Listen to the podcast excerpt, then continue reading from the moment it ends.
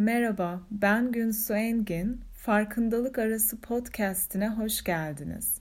Birazdan dinleyeceğiniz kayıt benim 2020 Ocak ayından beri düzenli olarak Zoom ve YouTube üzerinden Tetikte Dinginlik ismiyle yaptığım mindfulness meditasyon buluşmalarındaki konuşmaları içeriyor. Benimle çalışmak isterseniz online olarak sunduğum eğitim programlarıma mindlight.com.tr web sitesinden ulaşabilirsiniz.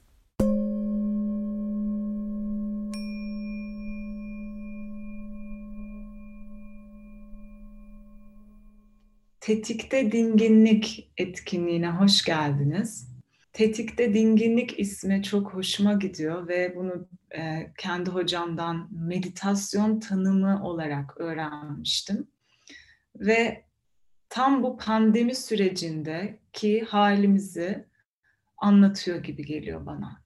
Pandemi sürecindeki meditasyon halimizi biraz daha açıklarsam.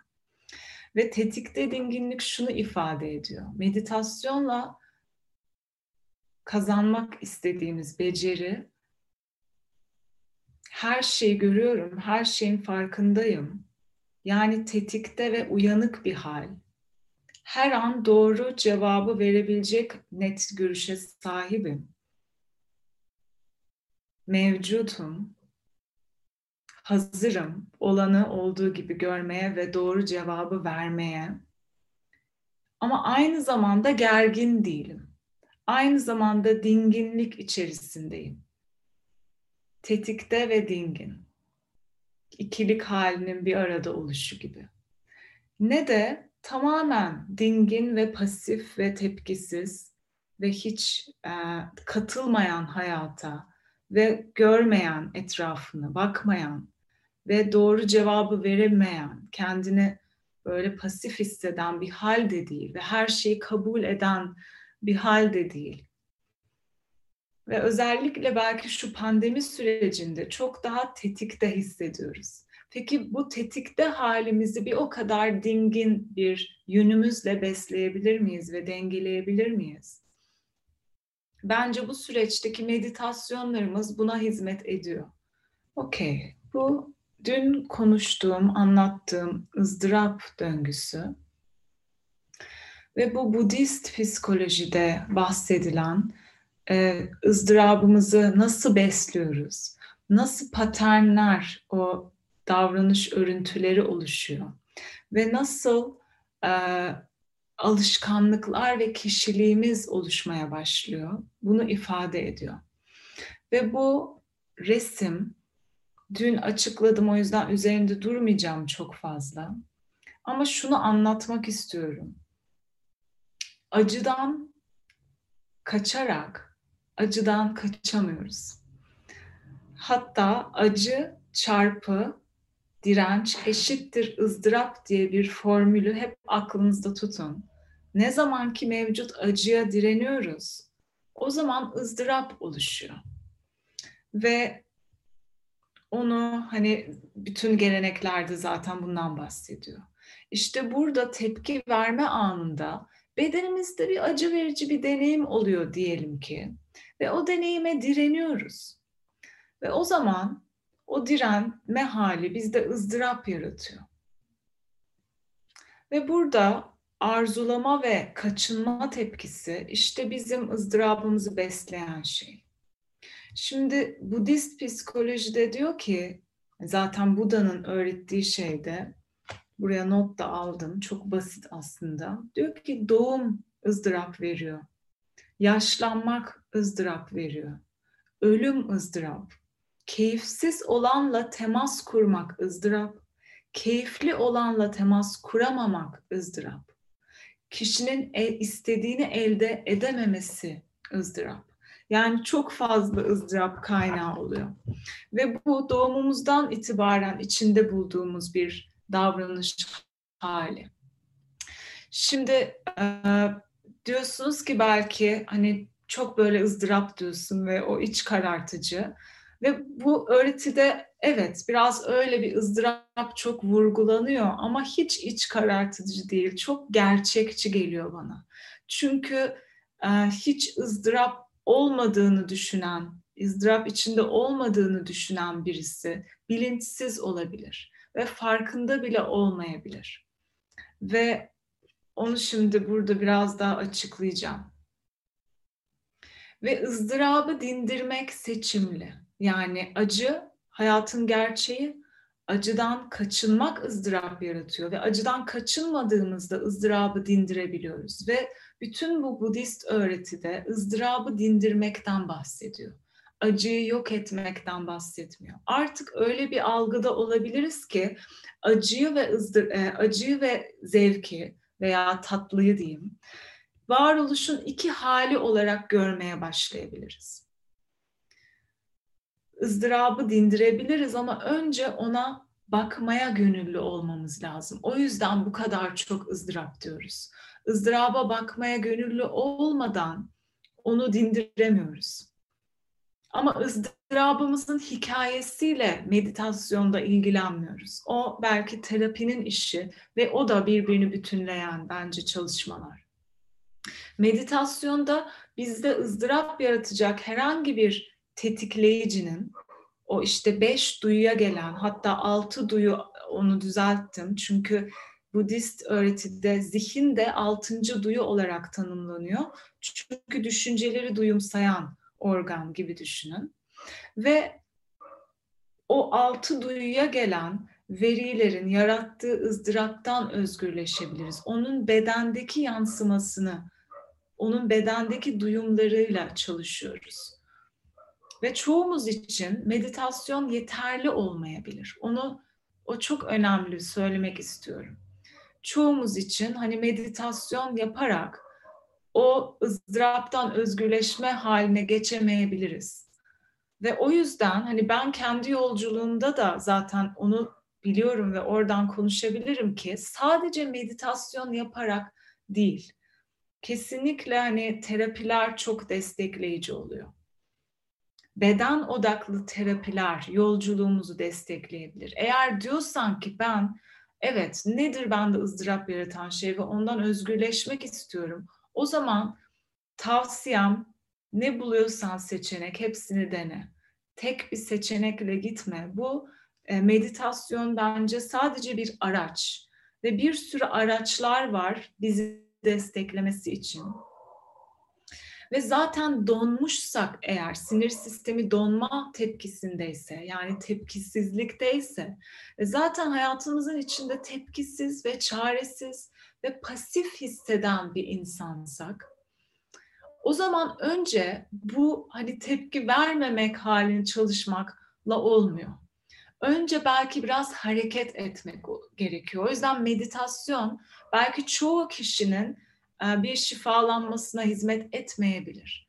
Meditasyon sadece bir araç ve tek yol değil. Hani hiçbir zaman yüceltmiyorum ve görüyorum herkesin ihtiyacına göre farklı cevaplar var.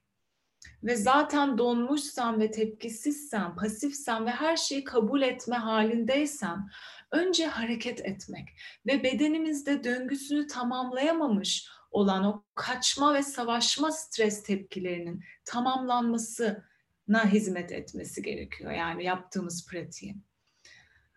Ve bazen de ancak çoğumuzda çok tepkisel olabiliriz. Ve o tepkisel olma hali ızdırabımızı besleyen şey olabilir. Ve biz bu minderde tepkisiz oturmayı pratik ediyoruz ki yaşamda doğru cevabı verebilelim. Şimdi özgürleşme e, döngüsünü açacağım biraz. Ve nasıl bu ızdırap döngüsünden çıkacağız? Yine bu da şunu öğretiyor. Bu pratik ettiği e, teknikle, bizim pratik ettiğimiz ve onun öğrettiği bu mindfulness meditasyon tekniğiyle ızdıraptan özgürleştiğini biliyoruz Buda'nın. Ve burada işte özgürleşme döngüsü. Ve bu özgürleşme döngüsünü şöyle anlatıyor. Yine zihin beden organizmasıyız. Yine 5-6 duyumuz var. Yani kaçamıyoruz bundan. Bu zaten hayattayız, insanız, zihin bedeniz. Ve yine o altı duyuya bedensel duyumlar geliyor. altı duyu aracılığıyla bedenimize bedensel duyumlar geliyor. İşte ses duymak, koku, tat, düşünce ve o düşüncenin bir duygu yaratması ve bedende keyifli, keyifsiz duyumlar hissetmek falan. Ve ne zaman ki artık hani diğer döngü şuydu, tepki veriyorduk her şeye. Ne zaman ki artık tepki vermeden mindfulness ile gözlemlemeye başlıyoruz. O zaman regülasyon olmaya başlıyor. Sinir sistemimizde resmen o kaçma savaşma halinden çıkmaya başlıyoruz. Artık o rahatsız edici duyguya tepki vermeden kaçınma tepkisi vermeden kaldığımızda o duygu düşmanımız değil bunu görmeye başlıyoruz. Ama burada tepki verirken kaç savaş sinir sistemi mekanizmaları aktive oluyordu ve stres hormonları salgılanıyordu. En kaçamadığımız şey negatif düşüncelerimiz, zor düşüncelerimiz ve duygularımız. Ve onlardan kaçamadığımızda sistem daha da donma haline geçebiliyor. Veya çok fazla dış dünyayı tehdit olarak algılayabiliyoruz. İşte ne zaman ki tepki vermeden bilgelik ve şefkat çalışarak yani tepkisiz baktığımız şeye şefkatle bakıyoruz. Düşmanım değil. Aa bu zor bir duygu. Evet ve zor hissetmek sorun değil. Bir bakayım ne anlatacak bana? Bedenimdeki yansıması nedir bunun? Gerçekten boğazımda ne oluyor? Kaçmasam ve hemen telefona bakmasam, hemen başka bir şeye dikkatimi yöneltmesem, karnımda ne oluyor? Tahammül edebileceğim seviyede gözlemliyorum bunları bedenimde ve o zaman o duygu ne dışarıya tepki vermeye ne de içeriye bastırmaya yönelmeye başlıyor. O duygu bedenimde ifade bulmaya başlıyor ve o zaman o duygu bir ızdırap yaratmamaya başlıyor. Bir tepki olmamaya başlıyor. Hatırlayın ne zamanki kaçınma ve arzulama tepkisi veriyorduk, orada derin bir iz yaratıyoruz. Sanki derin bir kayaya e, oyulmuş iz gibi ve geri dönüşü yok neredeyse. Hani kalıcı bir iz. Bilincimizde bir iz yaratıyoruz. Bilinci şartlıyoruz bir nevi. Hafızaya atıyoruz o tepkiyi. Bir sonraki aynı olayda aynı tepkiyi verebileyim diye. Öğrenilmiş halde. Ve daha sonra biz bu pratiği devam ettirdikçe, dengelenme ve şifalanma oldukça, sinir sistemimiz daha güvende hissedebildikçe, o kaç savaş dondan çıktıkça, o zaman kendini gerçekleştirme olmaya başlıyor. Meditasyonumuz kendimizi tanıma aracı olmaya başlıyor. Ben gerçekten ne istiyorum bu hayatta? Gerçekten bu işte çalışmak istiyor muyum? Çünkü önceden hayır diyemiyordum patronuma ve çalışmak zorunda kalıyordum. Ses çıkaramıyordum zor çalışma şartlarına. Ve artık o donmadan çıktığımda gerçekten ne istiyorum? İsteklerim neler? İhtiyaçlarım neler? Neye ihtiyacım var? Potansiyelim ne benim? veya işte o kendini tanıma ve ben kimim sorusunun cevapları ortaya çıkmaya başlayabilir. Çok insanda meditasyonda yaratıcılık çıkabiliyor. Bir dakika ben resim yapmak istiyorum veya ben yazı yazmaya başladım meditasyon yaptıktan sonra diyebiliyor insanlar. Ve sonra zaman içinde pratik ilerledikçe kendinden özgürleşme ihtimali ne görmeye başlıyoruz. Çünkü bütün meditasyon ve doğu bilgeliklerinin bize öğrettiği şey bu kendinden özgürleşme. Artık kişi olmada takılı kalma. Çünkü hatırlayın bu kendini gerçekleştirme ve kişilik arzulara doğru koşup korkulardan kaçma halinin o tekerleğin dönmesiyle oluyordu ve güç veriyordu bize kişiliğimiz. Bu halden çıkabilelim diye o kaç savaştan ve bilgelik ve şefkatle gözlemledikçe bu tepkileri ve tepki vermedikçe meditasyonda o zaman diyoruz ki bir dakika ya ben zannettiğim kişi değilim. Yani burayı anlamak ve anlatmak çok zor bu kısmı.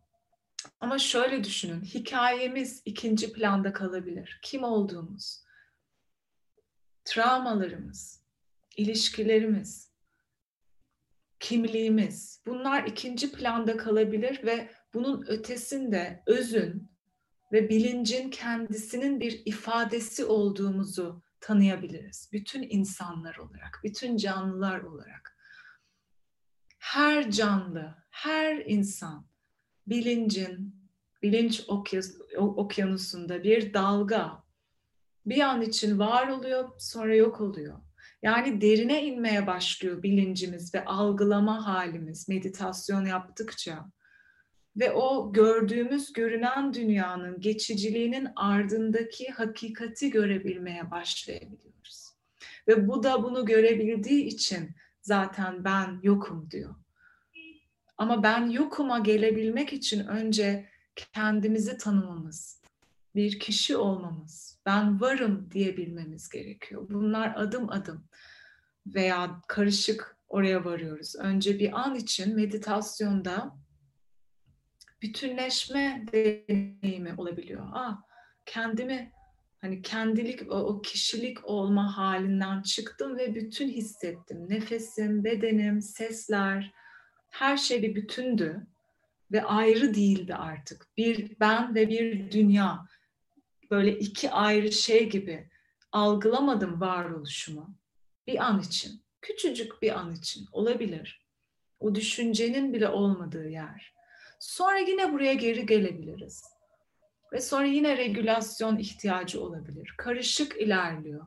Şimdi böyle diyor ki Budist psikolojide farkındalıkla bedensel duyumları meditasyonda gözlemledikçe bunları ben ekledim bunu demiyor aslında. Ama bütün öğrendiğim yerden anladığım yorumum bu.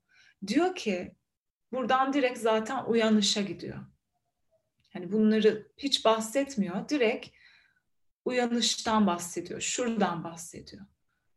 Ve orada bilincin artık yeniden programlanmaya başlıyor. Artık tepkilerin hani onu biraz açıklayayım. Tepki vermeden olanı olduğu gibi görmeyi pratik ettiğimizde düşüncelerinin sen olmadığını, bedensel duyumlarının geçiciliğini ve deneyimlediğin hiçbir şeyin kişisel olmadığını dair daha derin bir kavrayış hali gelmeye başlayabiliyor diyor. Ve tepkisiz ve yargısızca gözlemlemeye devam ettiğimizde travmalar şifalanmaya başlayabiliyor.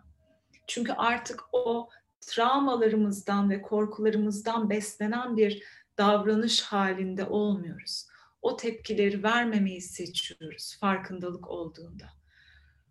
Ve o zaman sankaralar temizleniyor diyor. O derin kayaya uyulmuş izler temizlenmeye başlıyor.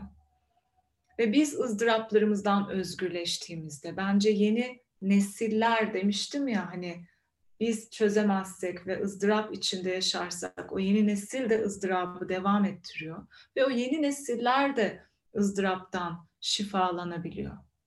Ve bu da, bu çok önemli ki tepkisiz olmaktan bahsetmiyor.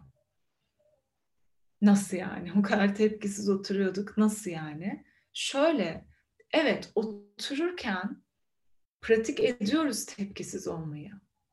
Çünkü tepkilerimizin beslendiği kaynağı görebilmek için. O böyle pörtleyen, otururken böyle pışık pışık diye çıkan tepkileri görebilmek için oturuyoruz. Kapılıp gitmemek için ona. Gerçekten ne beni tetikliyor? O onu görebilmek için. Ve diyor ki uyanmış kişinin tepkileri artık kayaya iz yaratmaktansa bir suya çizgi çekmek gibi olmaya başlıyor. Yine çocuğun birisi ateşe koşarsa o çocuğu büyük bir hareketle ve büyük bir aksiyonla tutup ateşten çekiyorsun. Hani uyanmış kişi şey demiyor. Aa, işte onun kaderi o. Saygı duyayım kaderine karmasıymış falan demiyor. Yine büyük bir hareketle çekiyor çocuğu ateşten ama çocuğu çekip tokadı yapıştırıp öfkeyle bir tepki vermiyor. Büyük bir şefkatle o tepkiyi ve o cevabı veriyor. O anın gereğini yerine getiriyor ve sonra merkezine geri geliyor. Artık e, karşı tarafta da o tepkisi iz bırakmıyor. ne de o kişinin belleğinde. O yüzden suya çizgi çekmek gibi oluyor diyor e, tepkiler ve cevaplar. Eski travmanı, korkunu, endişeni o verdiğin cevaba yapıştırmıyorsun. Ve o yakıcı öfkeden, şartlanmış bilinçten çıkmıyor o tepki de o anın gereğini görerek sadece o anın ihtiyacına cevap vermek oluyor. Ve işte o zaman bence hani hayatlarımızda da kendi ilişkilerimizde de bir dönüşüm oluyor. Bir kişi sana bir şey bir söz söylediğinde o söz hemen senin daha önce o sözü duyduğundaki anıları tetikleyerek ve o korkular ve o panik ve endişeyle o kişiye bir tepki verdiğinde o kişinin aslında söylemeye çalıştığı şeyi görmüyorsun bile. Sadece kendini yansıtmış oluyorsun. O yüzden ilişkilerimizin kimliğimiz olduğunu görebilmeye başlamak büyük bir farkındalık aşaması. Yani ilişkinde artık kendini görüyorsun. Ne görüyorsan çünkü olsun.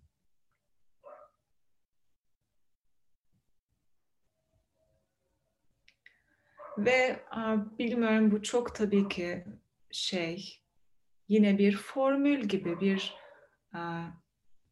resim, bir harita öyle düşünün. Ve bu döngünün içinde yıllar olabilir. Hani böyle bir meditasyonda olacak bir şey değil. Böyle yıllarca sürebilir. Belki bir an olabilir. Ama bu da diyor ki ben insanım aynı zihin beden organizması, aynı altı duyum var, aynı bedensel duyumlarım var ve neden herkeste olmasın bu? Niye hepimiz yapamayalım? O yüzden e, herkesin her an mevcut olabilecek bir şey, bu imkan olabilecek bir şey.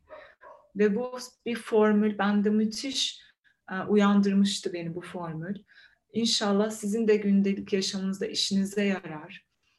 Ama çok ayırt etmek gerekiyor o tepkisiz olma hali. Donmuş ve çaresiz hisseden, zaten her şeyi kabul eden halden mi tepkisizlik çalışacaksın? Yoksa diğer o sürekli yıkıcı tepkisel halimizden mi?